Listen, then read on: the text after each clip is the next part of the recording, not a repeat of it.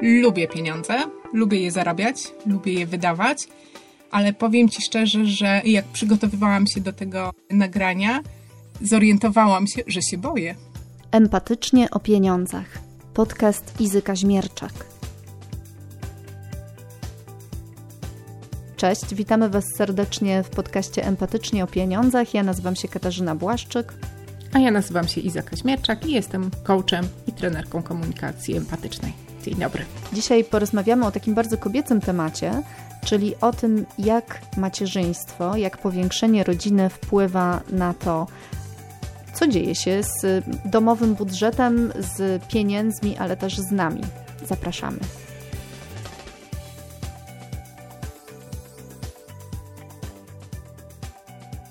W kontekście tego, że statystyki pokazują, że coraz więcej Polek nie pracuje i do pracy nie wraca, szczególnie po urodzeniu dzieci, coraz częściej też będziemy mieli do czynienia z taką sytuacją, że no, to mąż będzie utrzymywał dom, partner, mężczyzna. I teraz, co to może znaczyć w takim małżeństwie? No, kiedyś to była norma, więc dla naszych mam czy dla naszych babci to zupełnie normalna sprawa. Chłop chodzi do pracy, przynosi pieniądze, no a my mamy zajmować się domem jako kobiety. To się zmieniło. To się zmieniło trochę. Wiąże się to z tym, że po pierwsze, te pieniądze, które mąż do domu przynosił, były często niewystarczające na to, żeby rodzina mogła fajnie, zdrowo e, funkcjonować. Kobiety musiały pójść do pracy. Z drugiej strony też e, było tak, że w tej chwili tak jest, że rośnie świadomość kobiet i świadomość to, że mieć własne pieniądze jest fajnie, jest coraz większa. I są takie dwie chyba przeciwstawne siły, że z jednej strony kobiety ciążą ku temu, żeby zostać w domu, zająć się opieką nad dziećmi, bo to jest ważne i praktycznie nie ma wystarczającego wsparcia od państwa, żeby te dzieci miały zapewnioną opiekę, żeby kobiety mogły pracować. I z drugiej strony jest może trochę presji własnej czy presji społecznej do tego, żeby sięgać po swoje, wychodzić do pracy, dzielić się tym, co ja mogę robić i mieć własne pieniądze, mieć własny budżet i wnosić własne przychody do budżetu rodzinnego. Myślę, że to jest duża presja też na kobiety, że trudno jest podjąć decyzję, jak ten konflikt wewnętrzny rozwiązać. Czytałam ostatnio artykuł o kobietach w Holandii, gdzie jest bardzo wiele, tam było na poziomie chyba 70% kobiet, które nie pracują w pełnym wymiarze godzin, decydując się na to, że mają niższy standard życia, ale wybierając to, że zajmują się swoimi dziećmi. Nie wiem, jak to jest w Polsce, ale tak jak rozmawiam z kobietami, wiem, że dużą kwestią jest nierówność przychodów, chociażby w związku z tym, że jeżeli się pracuje na etacie, to się ma przerwę, czy na macierzyński, czy na urlop wychowawczy, odpada się na chwilę z e, tej pracy zawodowej. W związku z tym mniejszy staż, mniejsze doświadczenie, mniejsze pieniądze, plus mniejsza chęć zaangażowania się w nadgodziny, w pracę ponadwymiarową, bo z drugiej strony jest e, rodzina, która jest ważna i często drugi dom, który też jest ważny. Nie wiem, czy to, co mówisz, że e, coraz więcej z nas nie będzie pracowało, jest w 100% prawdziwe. Pewnie jest tak, że cały czas musimy decydować, czy wybieramy pozostanie w domu, czy wybieramy pracę zawodową. I kwestia pieniędzy i tego, co się z pieniędzmi wiąże, standard życia, ale i poczucie własnej wartości nabierają tutaj nowego znaczenia. No właśnie, ja wzięłam to z jakiegoś tekstu, który niedawno przeczytałam, bodaj w Wysokich Obcasach, o tym, że w Polsce bardzo trudno jest kobietom właśnie powracać do pracy, bo jest mała elastyczność pracodawców. Bardzo ciężko jest na przykład pracować na pół etatu czy na trzy czwarte etatu, tak? co jest w innych krajach europejskich właśnie standardem, tak jak mówisz. I jednocześnie matki zarabiają mniej zarabiają również mniej od kobiet bezdzietnych, bo nie są gotowe podejmować nadgodzin. To już też wspomniałaś. No i teraz co z tym zrobić? Bo sytuacji ogólnokrajowej w tym podcaście nie zmienimy. ale możemy porozmawiać o tym, jak taka kobieta, jakie pytania ona sobie powinna zadać, żeby móc te decyzje podjąć i móc po prostu jakoś w miarę zgodnie sama ze sobą żyć. To jest dobre pytanie, bo koncentrowanie się na tym, że nie ma wsparcia, albo że to wsparcie, które jest, jest niewystarczające, jest kwestią ważną, ale ono w dużej mierze jest poza naszym wpływem. Dużo więcej mamy wpływu na to, jakie my decyzje podejmiemy i jakie pytania sobie postawimy. I one mają większe przełożenie na to, w jakiej sytuacji my będziemy. I z jednej strony to są pytania, które każda z nas potrzebuje postawić sobie, i to są pytania typu: co jest dla mnie ważne, czego ja na ten moment chcę, i Pytanie może krótkie, ale e, szukanie odpowiedzi na nie to jest bardzo ważna część taka uświadamiania sobie tego, o co w życiu chodzi, gdzie jest najważniejsze. I to w każdej sytuacji wierzę i, i, jestem przekonana o tym i wiem, że dobrze mieć jasność tutaj na ten moment. Co jest dla mnie ważne ogólnie i co jest dla mnie ważne w tej jednej konkretnej sytuacji. I często to są decyzje takie, ok, czy ja w ogóle chcę mieć dziecko, ile ja tych dzieci chcę mieć i na ile rola mamy jest dla mnie ważna i jak ona się ma do pozostałych ról, które ja w życiu pełnię. Są kobiety, które decydują, że nie chcą mieć dzieci, bo są inne rzeczy dla nich ważne. Są kobiety, które próbują połączyć rolę mamy i rolę pracownika. I są kobiety, które rezygnują z innych ról i poświęcają się tylko macierzyństwu. Często są to decyzje, których kobiety nie podejmują świadomie, po prostu tak się życie układa, że wybieramy, bo nam się wydaje, że nie ma innej opcji. I nie mówię tego w sposób oceniający, tak po prostu jest. My czasami tak decydujemy. Życie przynosi nam różne sytuacje, w których trzeba podjąć jakąś decyzję i w których żadna z tych decyzji nie jest dobra. Albo żadnej z alternatyw nie jesteśmy przewidzieć skutków, jakie ona będzie miała dla nas na przyszłość. W każdym razie każda decyduje w sposób mniej czy bardziej świadomy o tym, co jest dla niej ważne. I to jest jeden kierunek.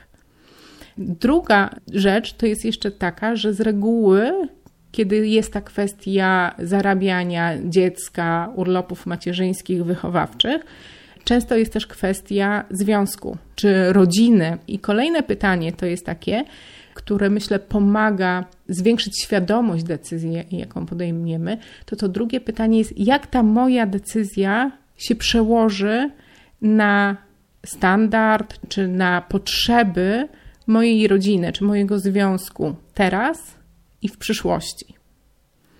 I trzecia rzecz to jest jeszcze, jak mój partner widzi całą tę sytuację. I myślę, że to jest taki moment, w którym dobrze jest mieć jasność co do siebie, wyobrażenie do tego, jak się to przełoży na rodzinę, i wtedy usiąść do rozmowy i przegadać z partnerem, jak ty to widzisz i jak ty to rozumiesz. I na tej podstawie podjąć decyzję, umówić się na coś. Na przykład, że ok, to ja teraz na dwa czy na trzy lata wycofuję się z życia zawodowego i decyduję się na to, że nasze dochody się zmniejszą. Sprawdźmy, co w takiej sytuacji my możemy zrobić, co jest możliwe i jakie to będzie miało konsekwencje. Czasami to się dzieje bez przegadania i bez ustawienia takich rzeczy, po prostu tak wychodzi. No to przecież dla niektórych jest oczywiste, że w momencie, kiedy pojawia się dziecko, no to kobieta zostaje. I nie mówię, że to ci niektórzy to są tylko kobiety albo tylko mężczyźni. To wszystko się wiąże z tym, co my wnosimy ze swoich domów rodzinnych i jak to było ułożone. Są osoby, które mają jasność co do tego, że jak się dziecko pojawia, to jak najszybciej trzeba je przekazać opiekuńce i jak najszybciej wrócić do pracy, bo kariera zawodowa jest ważna. Są domy, w których pomysł, że dziecko pójdzie do żłobka czy zostanie przekazane opiekunce, jest w ogóle nie do przyjęcia. I są domy, w których jeden partner ma tak, a drugi partner ma inaczej. I myślę, że wtedy najtrudniej jest o tym porozmawiać, ale też jest to najbardziej potrzebne. www.jestembogata.pl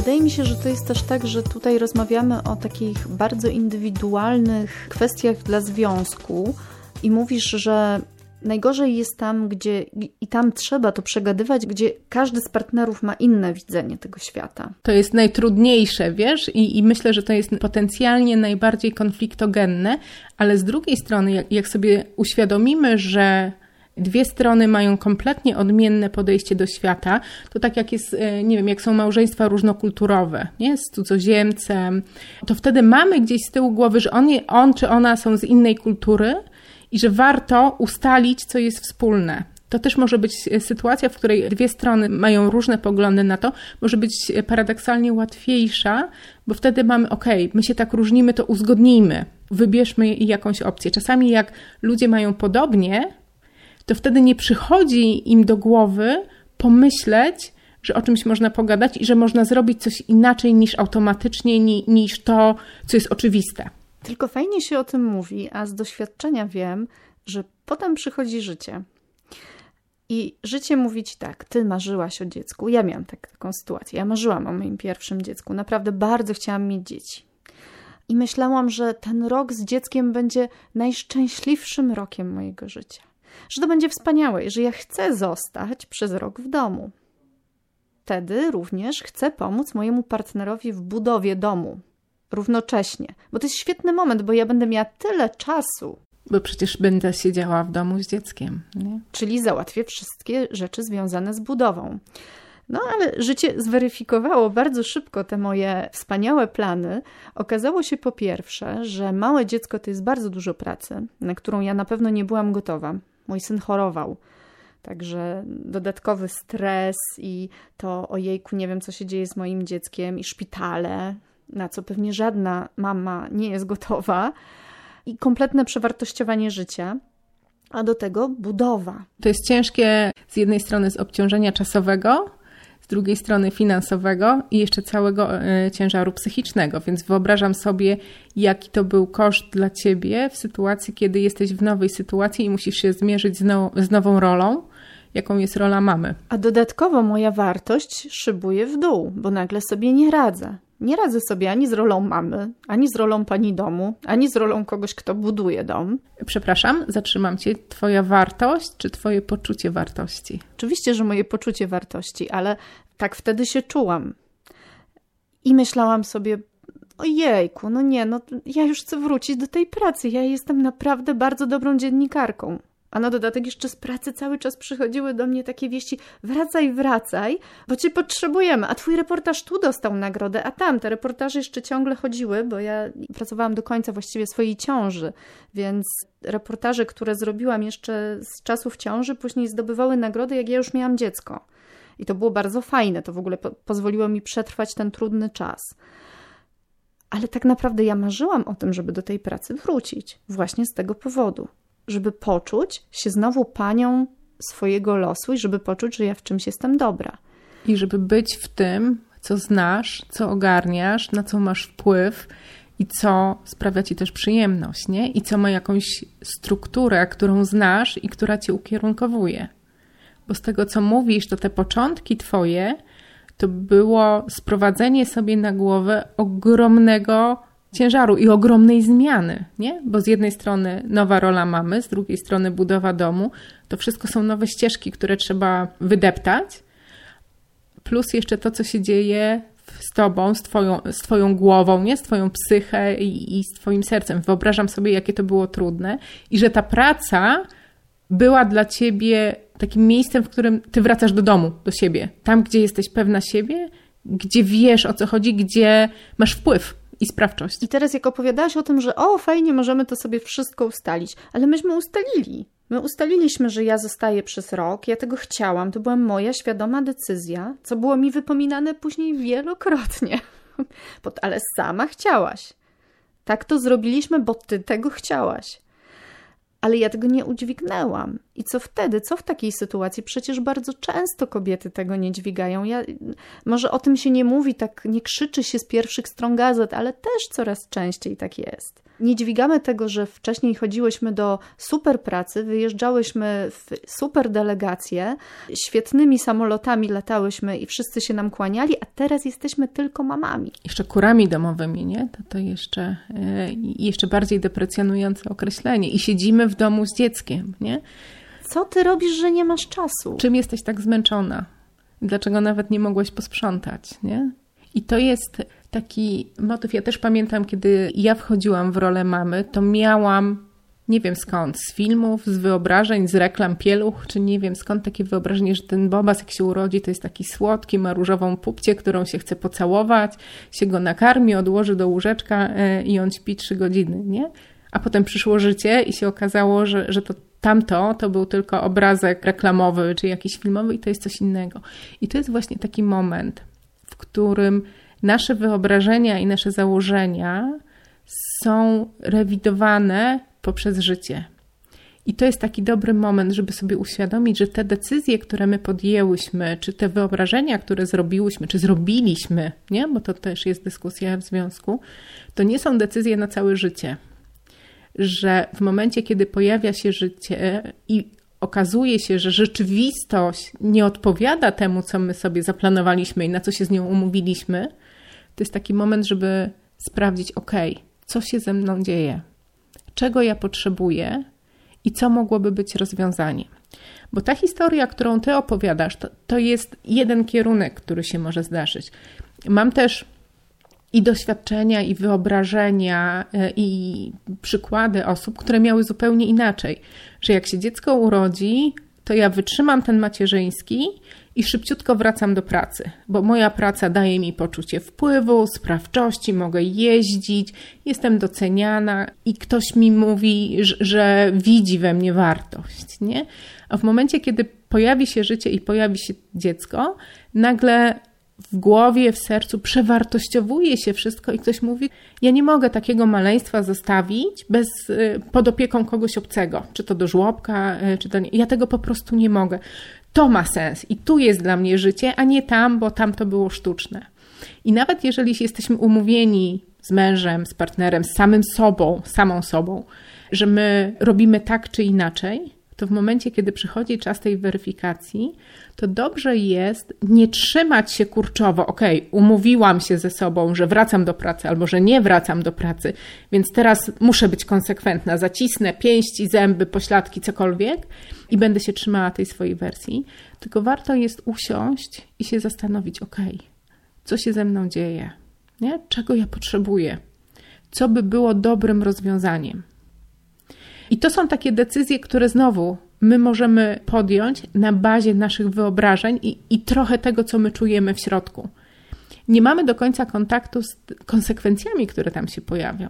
Bo wyobrażam sobie, nie wiem jak się potoczyły Twoje losy i jak, jak szybko Ty do pracy wróciłaś, ale wyobrażam sobie taką sytuację, że mogłaś powiedzieć: OK, dobra, umówiłam się ze sobą, że rok będę siedziała w domu, więc siedzę płacząc za tą pracą, a mogłaś nawet idąc za tym, co ja tutaj podpowiadam, musieć, okej, okay, ja już nie wytrzymam w domu z tym dzieckiem, bo boję się, że je uduszę, nie? Bo to, to, też są czasami takie instynkty czy odruchy, które się pojawiają, że już tak nie mogę wytrzymać tej zmiany, że nie odpowiadam za swoje działania i może poszłabyś do tej pracy i wtedy nic by się nie zmieniło bo byłabyś rozerwana, że okej, okay, tutaj się umówiłam, tutaj zmieniłam, nie jestem ani w pracy, kiedy jestem w pracy, ani w domu, kiedy jestem w domu, znowu jest źle.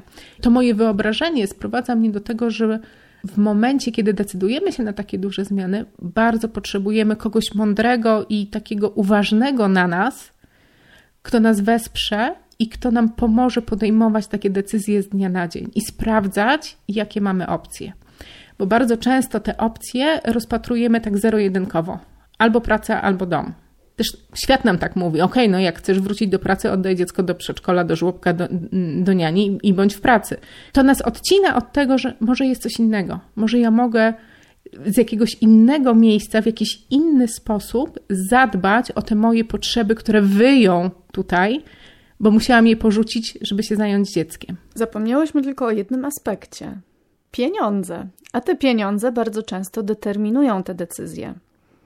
Bo ileż kobiet wróciło do pracy wcześniej, bo potrzebowało pieniędzy, a ile nie wróciło, bo opiekunka okazała się zbyt droga. To jest taki trzeci wymiar. Tak jak mamy związek, dwie strony: on, ona, powiedzmy jeszcze to dziecko, i jeszcze ta kwestia pieniędzy. I czasami kwestie finansowe podejmują decyzje za nas Nie? Z braku pieniędzy ja nie mam czasu na to, żeby się zastanawiać, czego ja tak naprawdę potrzebuję, bo ja muszę iść do tej pracy i ja wiem.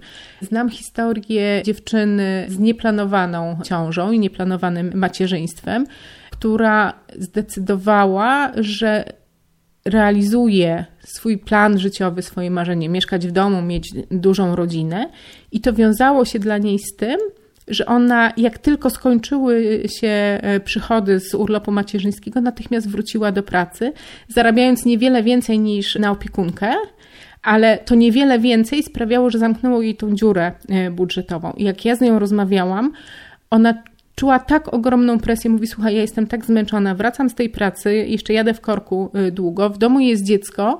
Zdecydowaliśmy, że nie wchodzimy w pieluchy jednorazowe, tylko wielorazowe, więc więcej prania, prasowania, bardzo jest dużo rzeczy. Ja gonię ostatkiem sił, ale wiem, że to warto, bo ja wiem, czemu to ma służyć. I myślę, że, że, że to takie właśnie zrozumienie i uświadomienie sobie tego, co jest dla mnie ważne, czemu to ma służyć, to pozwala nam przetrwać nawet te trudne czasy. Ona miała świadomość, że to jest kwestia dwóch, trzech lat, że ta sytuacja się zmieni. To ją karmiło. Czasami jest tak, że jak nie mamy tej świadomości, to trochę czujemy się jak zawieszeni, jak, jak takie marionetki, które ktoś pociąga na sznurku i którymi ktoś steruje. Ja nie wiem, co się dzieje, jestem bezsilna, poddaję się po prostu jakiemuś dryfowi i temu, co mi życie przynosi i kwestia pieniędzy. To może być tak, że brak pieniędzy jest zbawienny, bo odłącza nas od y, kombinowania, czy ja chcę, czy ja nie chcę, tylko po prostu ustawia nas w to, czy ja muszę. Czasami posiadanie pieniędzy i możliwość zachowania dotychczasowego standardu życia bywa zbawienne, bo dzięki temu mogę wybrać to, co chcę. A czasami jest na odwrót. Czasami brak pieniędzy sprawia, że się odłączamy od siebie, albo ten, to, to posiadanie tych pieniędzy sprawia, że się nie kontaktujemy z tymi innymi potrzebami. Ale nie chcę powiedzieć, że to jest tak, że źle czy dobrze. To jest to, że ja chcę powiedzieć, że to, co jest ważne, to uważność na siebie i zrozumienie swoich wyborów. I to też jest taki wątek, który mocno we mnie działa. Danie sobie takiej przestrzeni na to, żeby być w tym, czym się jest, bez dowalania sobie. My, kobiety, mam wrażenie, tak jak pracuję z klientkami w coachingu, jesteśmy mocno, czy, czy, to też jest moje własne doświadczenie, jesteśmy mocno wytrenowane w tym, żeby być niezadowolone z tego, co, co jesteśmy i żeby sobie jeszcze dowalać. Nie? I to jest takie jakby podwójne dołożenie sobie. Nie dość, że jest mi źle, to jeszcze sobie dołożę, że jest mi źle. Czyli dziewczyny, nie dowalamy sobie, w tym odcinku rozmawiałyśmy o macierzyństwie i o tym, jak sobie poukładać, czy spróbować poukładać, bo to wszystko wychodzi w praniu, mam wrażenie, na koniec dnia, ale żebyśmy sobie nie dowalały. Myślę, że z tą myślą warto dzisiaj zostać, a w następnym odcinku o tym, no właśnie, z jednej strony mam wrażenie, że ona mnie wykorzystuje, a z drugiej strony to jest przemoc ekonomiczna, to co on robi. Dziękuję Ci bardzo, Izo. Dziękuję ja też. Do usłyszenia. Do usłyszenia. Podcast zrealizowany został przez Torbę Reportera i Podcastera.